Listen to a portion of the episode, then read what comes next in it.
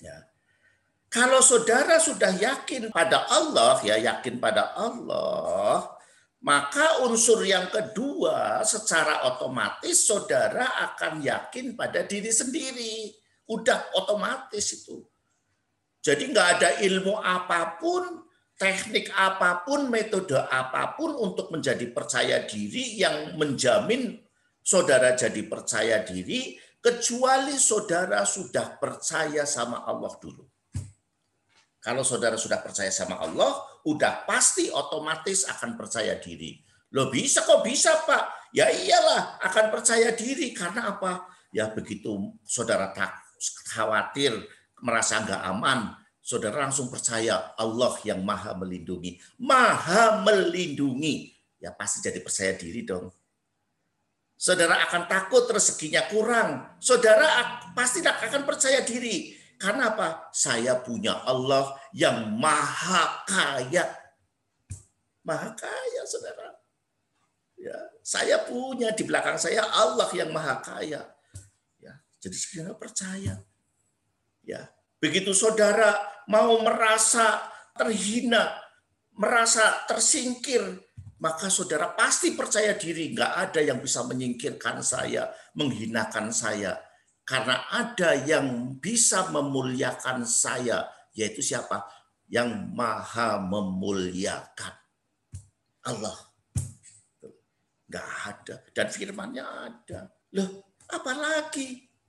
Kalau saudara sudah menyandarkan backingannya itu semata-mata Allah, yang melindungi saudara Allah, yang menyelamatkan saudara Allah, yang memuliakan Allah, yang mencoba rezeki Allah, yang menolong Allah, ya saudara jadi manusia yang sangat percaya diri. Nah, udah otomatis itu. Terus kalau masih ada gimana? Ya dibarengi doa untuk mendapatkan kepercayaan diri juga keyakinan juga doa dengan kuasa dan kehendakmu ya Allah biar energi masuk dan meresap ke tubuh saya ya untuk ya menetapkan keyakinan pada jiwa saya, pada raga saya, pikiran saya, batin saya, agar saya betul-betul sepenuhnya yakin sama Engkau ya Allah. Karena yang memiliki hatiku, yang memiliki pikiranku, yang memiliki jiwaku adalah Engkau. Maka berikanlah cahaya keyakinanmu ya Allah. Ngomong dong sama Allah. Doa dong sama Allah. Ya, emangnya Saudara jangan doa, doanya malah keluar dulu. Doanya rezeki ya Allah, rezekinya lancar, cukupkan dagangannya laris ya Allah. Ya saya sudah berusaha berjuang dari pagi sampai malam, tapi saya nggak laku-laku. Lakukanlah dagangan saya. Habis doa nangis-nangis, begitu nggak laku lagi. Kok belum laku-laku ya? Kapan ini? Kapan ya? Duh, padahal harus bayar hutang nih. Gimana? itu akibat karena saudara nggak minta keyakinan sama Allah. Jadi yakin sama Allah juga harus minta saudara. Jangan cuma dagangannya laris saja. Jadi ini setelah dengar ceramah saya, ya jangan mulailah doa minta hal-hal yang di luar dari sifatnya materi. Mulailah yang menjadi kebutuhan utama saudara tentang keyakinan kepada Allah, tentang rasa percaya diri, tentang keimanan. Ya, ada doanya ya Allah tetapkanlah iman saya. Ya, tapi saudara nggak dong maksudnya keimanan saya itu iman sing koyo ngopo. Kan ada doanya. Minta ditetapkan iman dan Islam saya. Itu kalau bagi yang muslim nih. Tapi kok tetap galau tetap resah wae, tetap gelisah wae, lo doane paham enggak gitu loh. Karena apa? Yang diucapkan itu akan mengalirkan energi. Cuma masalahnya paham enggak itu loh dengan yang diucapkan. Saudara kebanyakan doa bahasa Arab enggak paham. Ya, jadi sekarang itu kalau saudara nggak paham bahasa Arab, ya pakai bahasa Jawa wae, bahasa Indonesia, tapi paham maksudnya. Ya Allah, aku pengen duit sing oke, sing lancar. Nah, itu loh. Tapi ojo kowe sing maha agung masa pakai kowe gitu loh. Mentang-mentang orang Jogja pakai kowe sing maha agung jangan. Ya Ya, jadi itu pakai etika gitu Nah, ini jadi yakin sama Allah, kalau udah yakin sama Allah, yakin pada diri sendiri. Setelah saudara yakin pada diri sendiri, unsur yang ketiga, yakin pada mentornya. Ya, itu. Ya, kalau bisa saudara punya guru, punya mentor dalam hidup ini supaya apa? Mempercepat jalan saudara. Ya, banyak saudara nggak jelas mentornya siapa, nggak punya guru yang saudara percaya, jadi ngalor ngidul, kebanyakan ngalor ngidul nggak jelas siapa yang dipanut saudara. Iya saya manutnya sama Rasulullah Muhammad gitu loh. Emangnya saudara kenal sama Rasulullah? Emangnya Rasulullah langsung bisa ketemu sama saudara? Gitu loh. Ya panutannya iya, tapi kan ada gitu loh yang jadi eh, apa turunan-turunannya yang akan mengalirkan ajaran-ajarannya ke bawah. Siapa yang saudara mau belajar? Di sana belajar. Yang kira-kira saudara mengalami loncatan spiritual. Saudara mencapai loncatan batin saudara. Nah ini ini saudara harus tuh loh percaya sana gitu. Nah setelah yang keempat yakin pada apa yang saudara lakukan Ya, kalau saudara dapat guru yang benar, ya biasanya yang diajarkan itu hal-hal yang sederhana.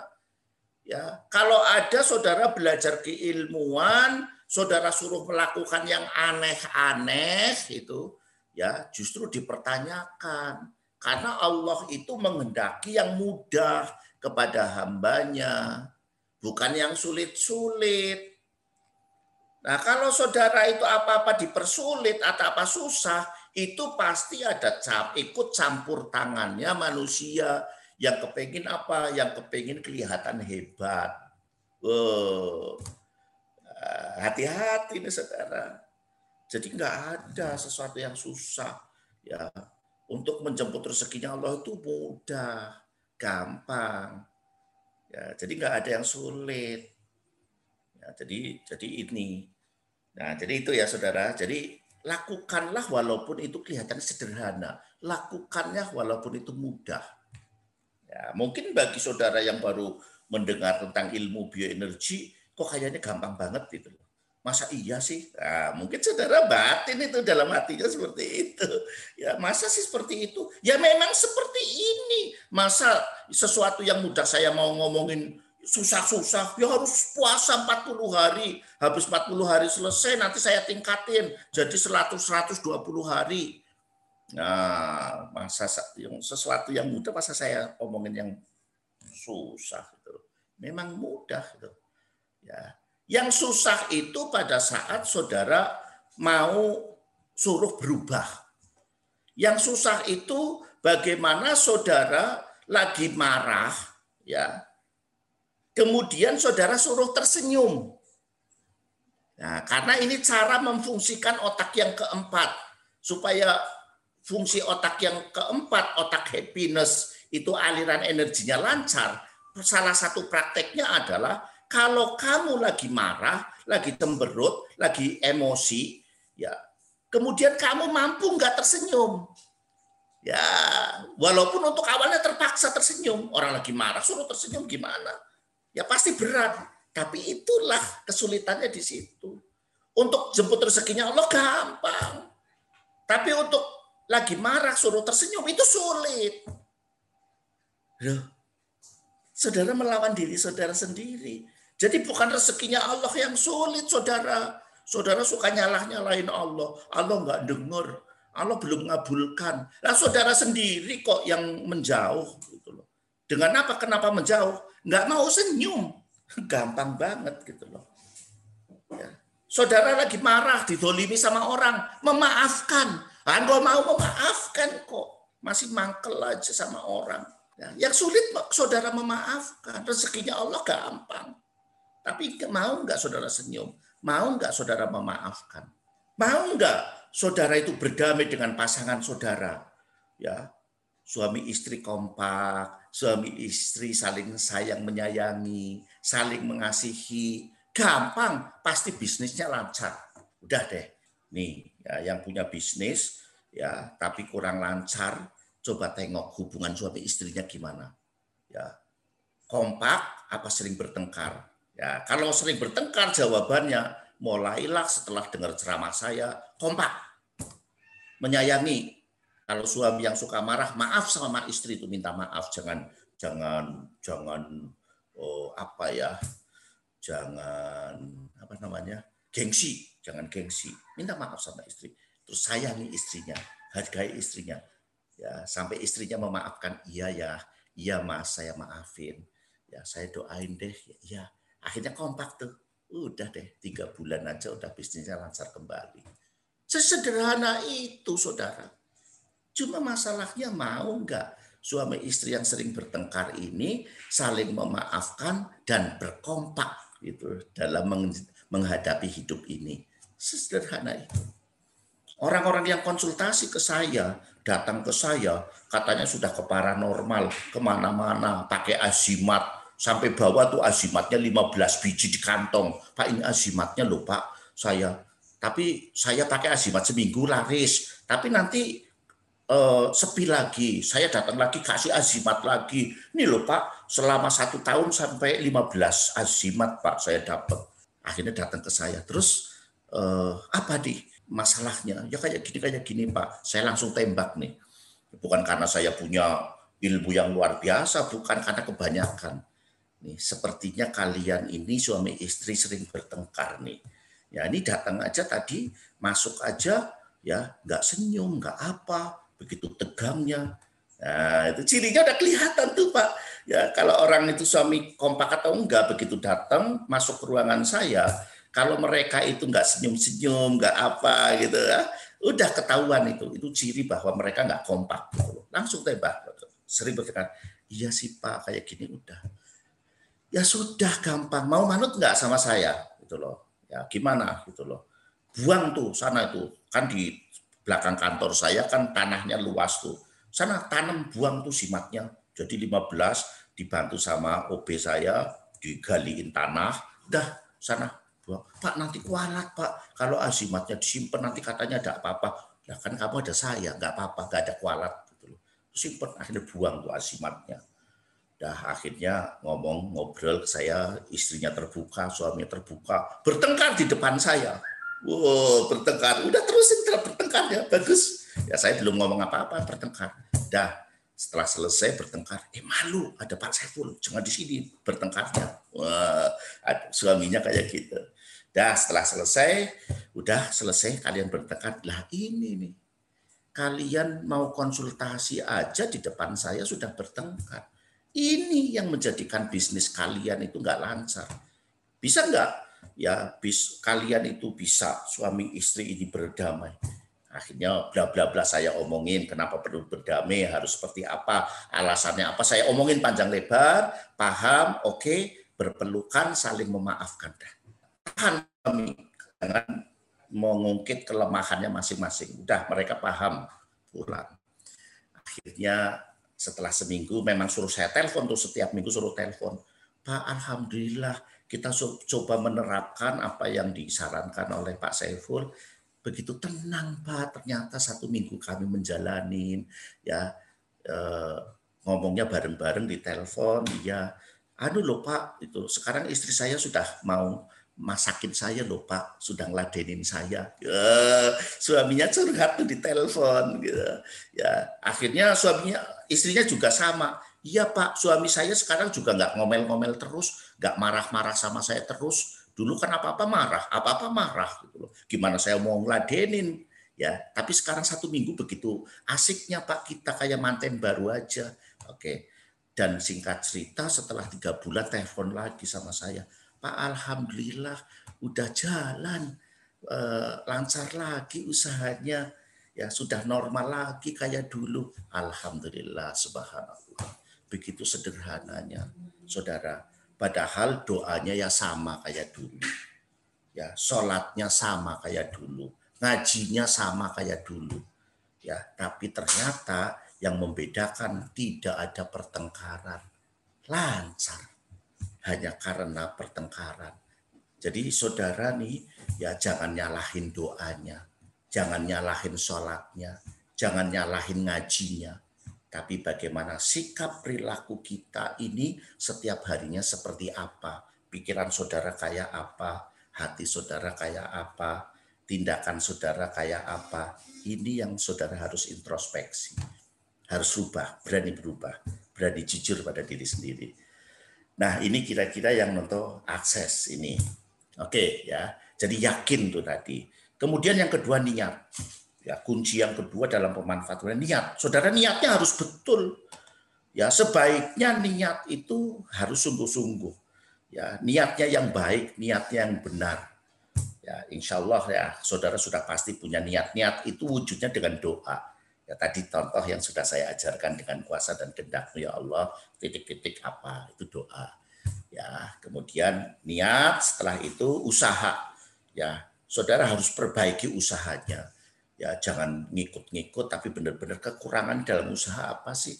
Nah itulah yang harus saudara tambah ilmunya pelajari caranya.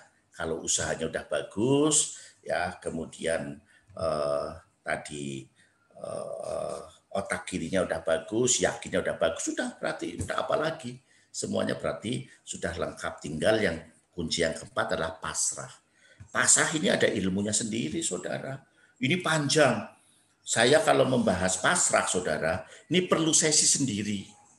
Karena pasrah itu tidak semudah yang diucapin. Ya, mungkin saudara akan ngomong pasrah itu berarti ikhlas ya Pak Saiful. Ya, iya saya sudah ikhlas sih Pak. Enggak sesederhana itu, saudara.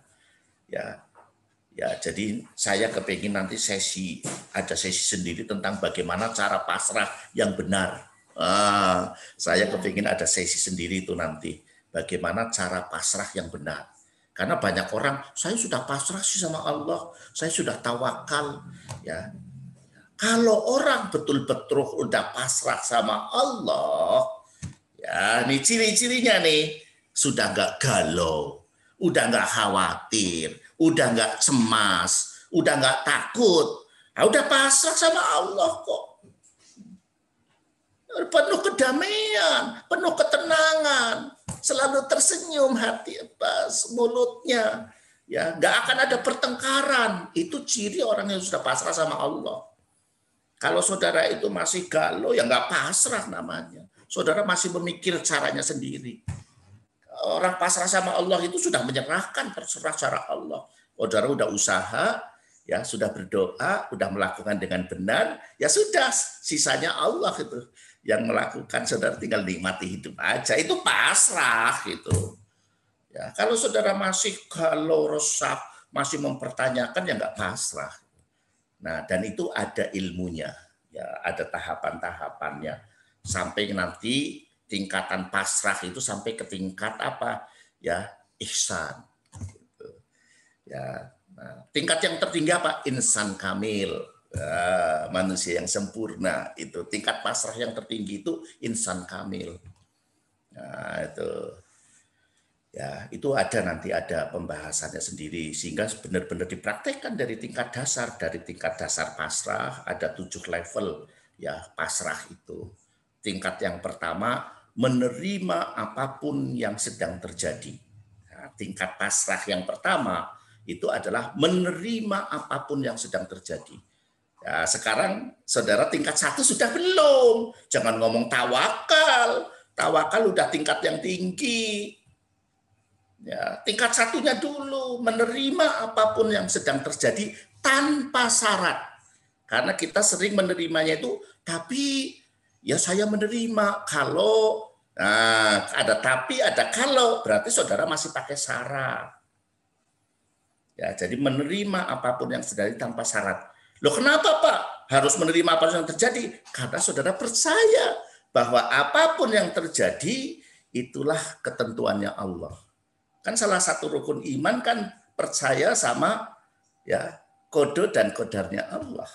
Nah, katanya harus percaya sama rukun iman. Ya, tapi saudara nggak pasrah, nggak menerima apa pun yang sedang terjadi. Berarti saudara nggak iman sama kode dan kodarnya Allah. Ini, ini baru satu tingkat satu loh saudara, tingkat satu masih ada enam tingkat di atasnya. Nah itu itu cara menjemput rezeki Ya sudahlah saudara cara menjemput rezeki itu tingkat satu dulu lah. Menerima apa pun yang sedang terjadi. Insya Allah itu lancar. Insya Allah itu. Ya. Kalau saudara merem aja, ya kalau sudah sampai tingkat tujuh merem aja udah nggak usah doa. Karena Allah udah tahu kok isi hati kita, duitnya datang sendiri tuh. Saudara mau nggak tuh sampai tingkat tujuh?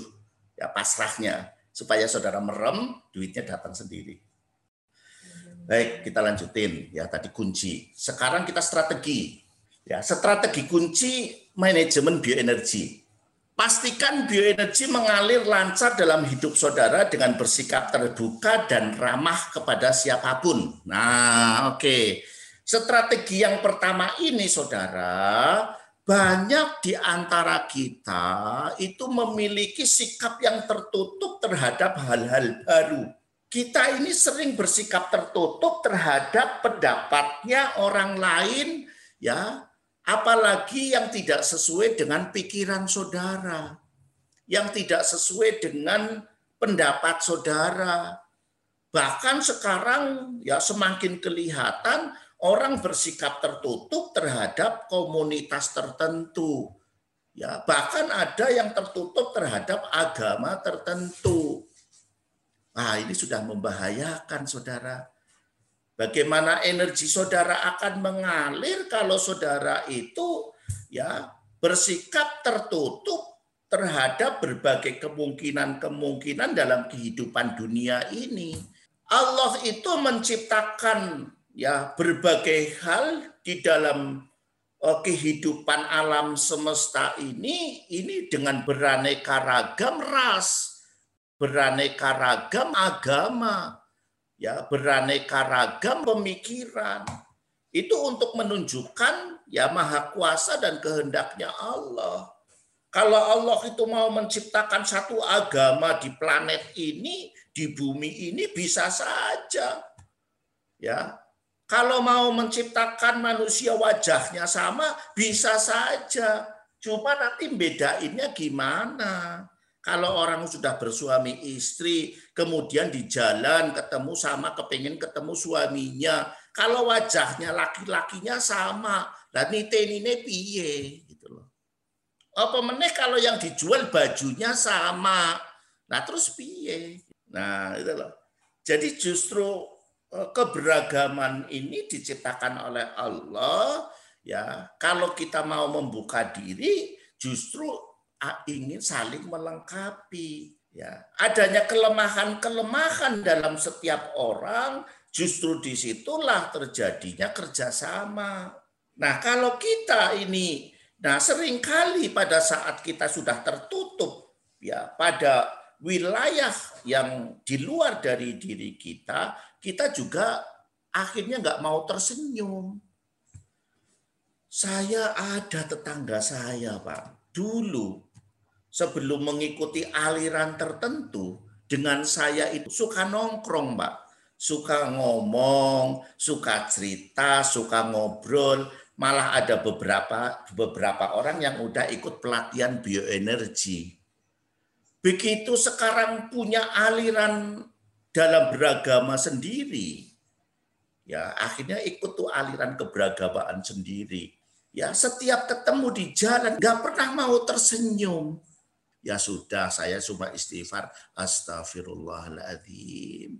Inikah orang yang beragama Islam? Inikah orang yang ahlus sunnah wal jamaah? Saya istighfar. Lah gimana sama orang yang lain agama? Kalau seperti ini. Ini sama, saya masih orang Islam ini. Masih muslim. Dulu sering ngobrol dengan saya. Eh ketemu di depan. Nggak ada yang mau nyapa Subhanallah ini saudara. Ya, jadi ternyata keimanan, kesolehan diukur dari ukuran ya ritual keagamaan, baju keagamaan, simbol keagamaan, saudara. Nah ini ini contoh bahwa orang-orang ini ya energinya, alirannya terhambat. Ini pasti. Dan saya lihat Pak, ternyata betul apa rumahnya sering tuh ada terdengar keronceng, keronceng gitu loh. Tetangganya cerita, ternyata ada yang sering ngamuk, nggak tahu yang ngamuk sopo itu loh. Masa orang sudah pakai simbol-simbol keagamaan masih suka ngamuk gitu loh. Nah, kan lucu pak. Nah ini loh saudara. Ya inilah biasa kita makanya harus bersikap terbuka, ya kemudian ramah kepada siapa pun supaya energi kita tetap lancar. Terbuka dalam keilmuan, terbuka dalam keberagamaan, terbuka dalam e, berpendapat, ya, terbuka dalam berpikir supaya energinya ngalir lancar. Ya, bukan berarti saudara harus ikut-ikutan, tapi saudara membuka diri. Ya, karena memang ini juga sunatullah keberagaman ini Ya, tinggal saudara mau milih yang mana dengan keterbukaan saudara. Ini yang pertama strategi kunci bagaimana mengelola bioenergi.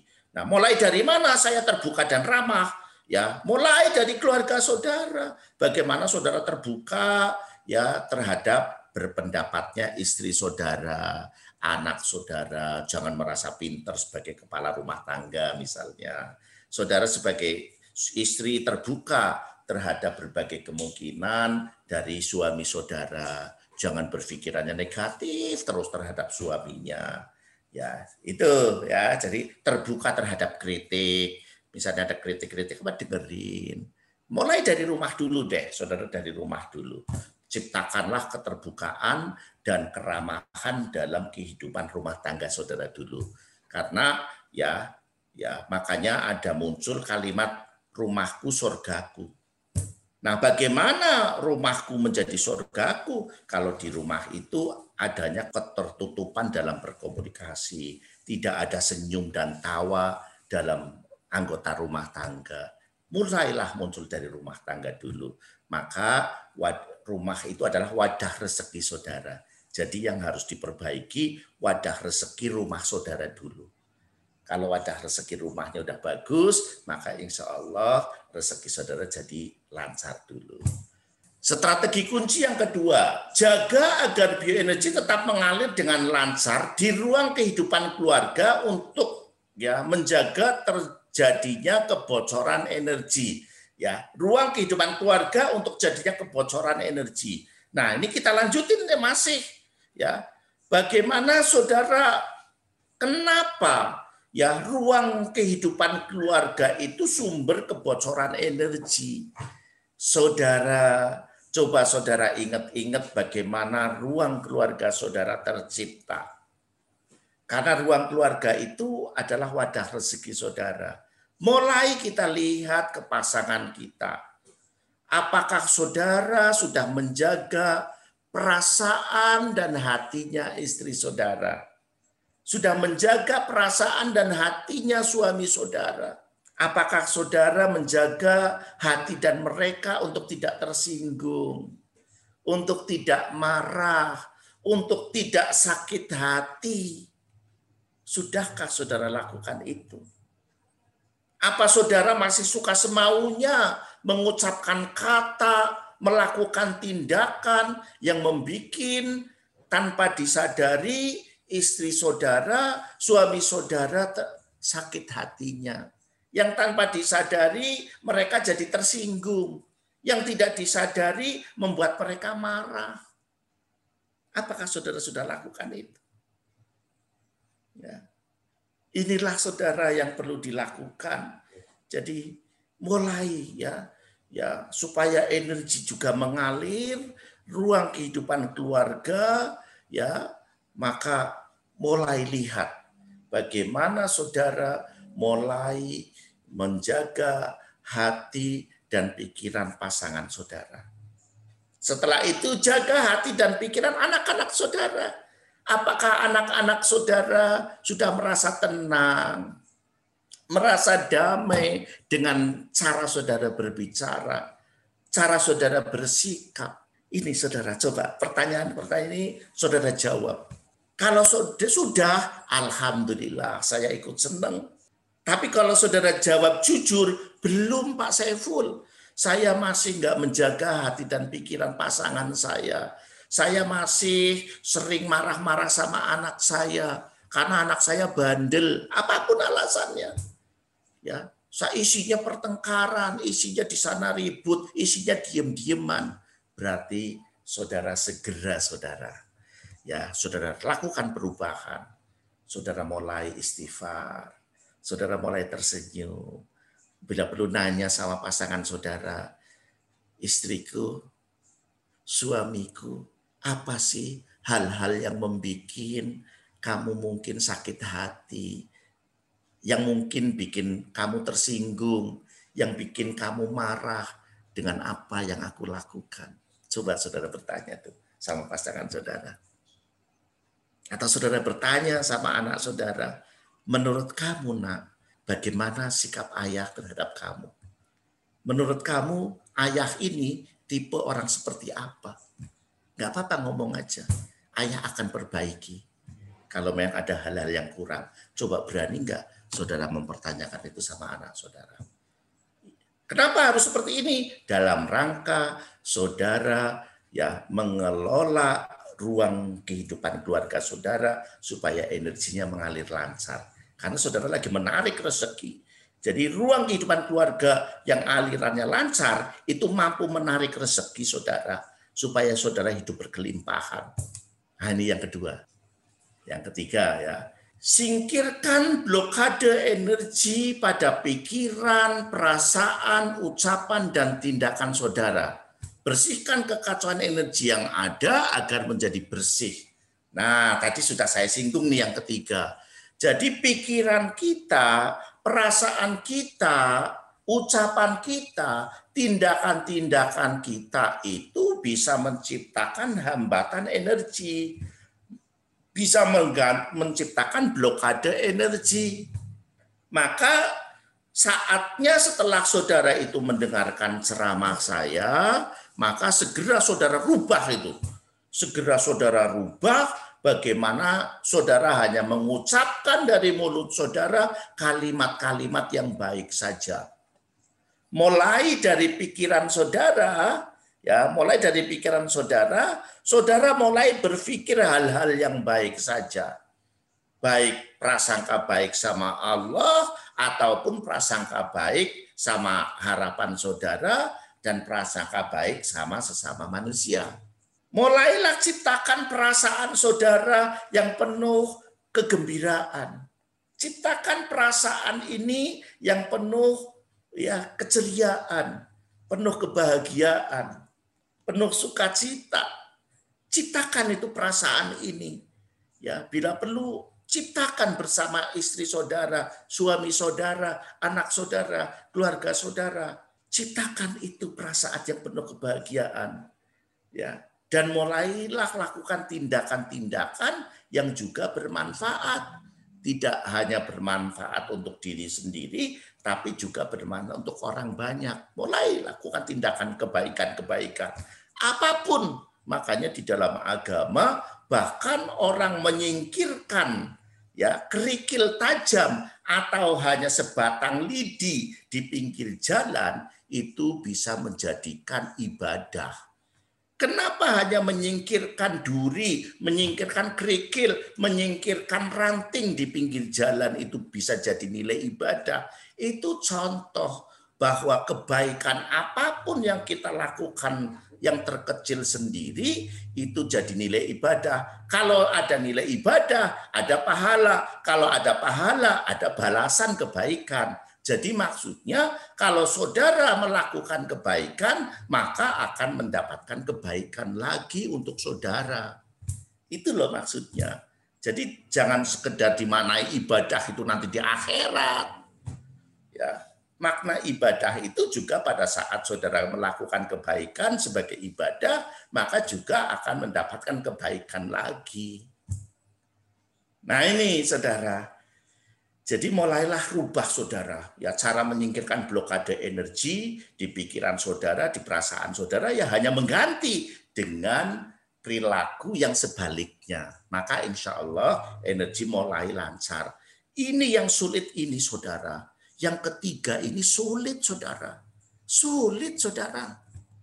Ya, tapi kalau saudara untuk menjemput rezekinya, mendapatkan rezekinya dari Allah gampang kalau saudara ini sudah diperbaiki, pikiran saudara, perasaan saudara, ucapan saudara, tindakan saudara betul-betul baik Dan yang melihat baik ini hanya saya, diri kita sama Allah dan energi itu sendiri. Orang lain nggak ngerti. Nah, maka rezeki akan datang dengan lancar. Ya, itu. Jadi gampang kok saudara. Tapi sulit ini untuk melakukan ini. Rezekinya datang gampang. Kalau ininya sudah benar, ya udah lancar, rezekinya mudah datangnya. Oke, yang keempat.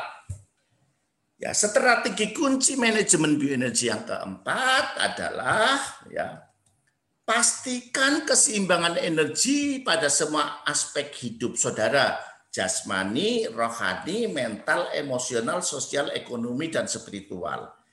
Nah, sekarang bagaimana nih supaya energi itu pada semua aspek itu seimbang? Pertanyaannya itu.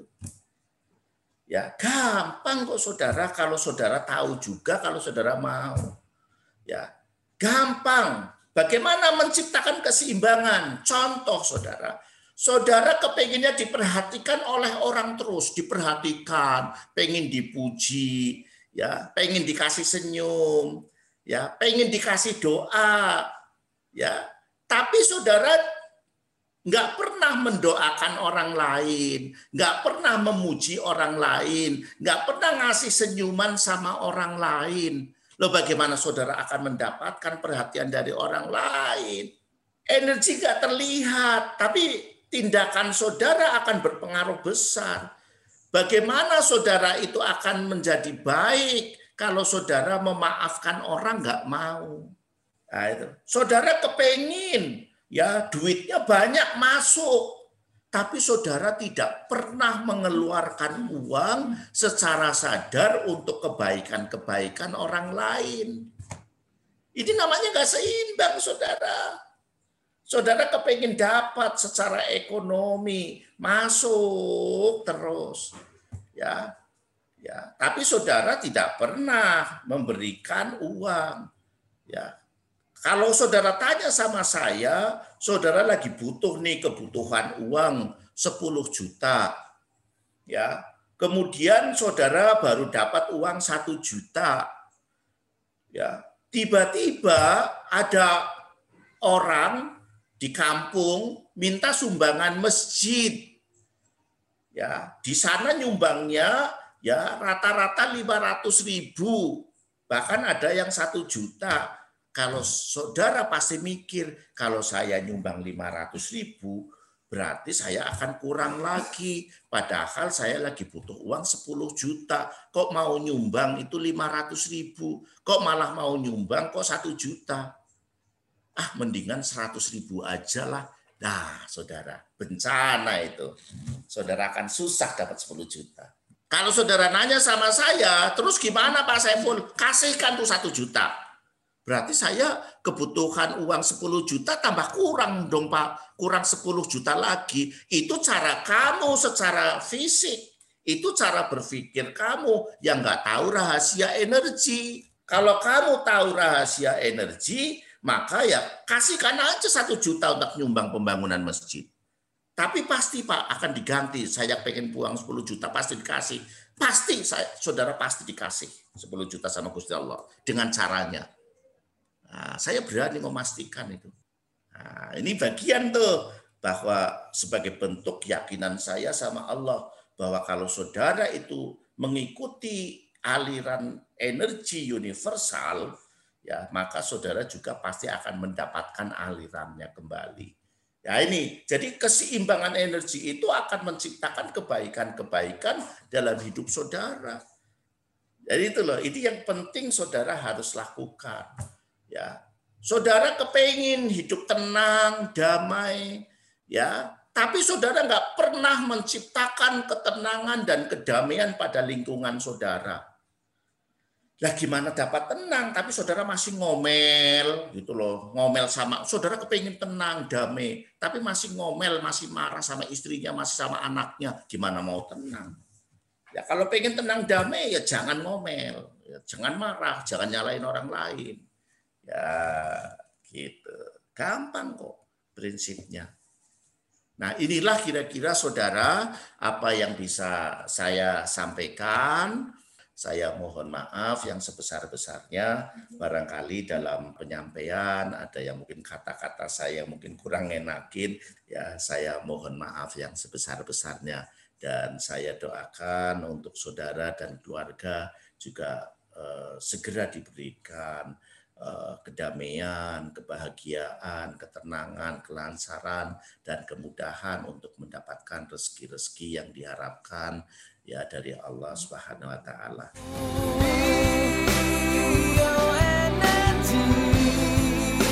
I hear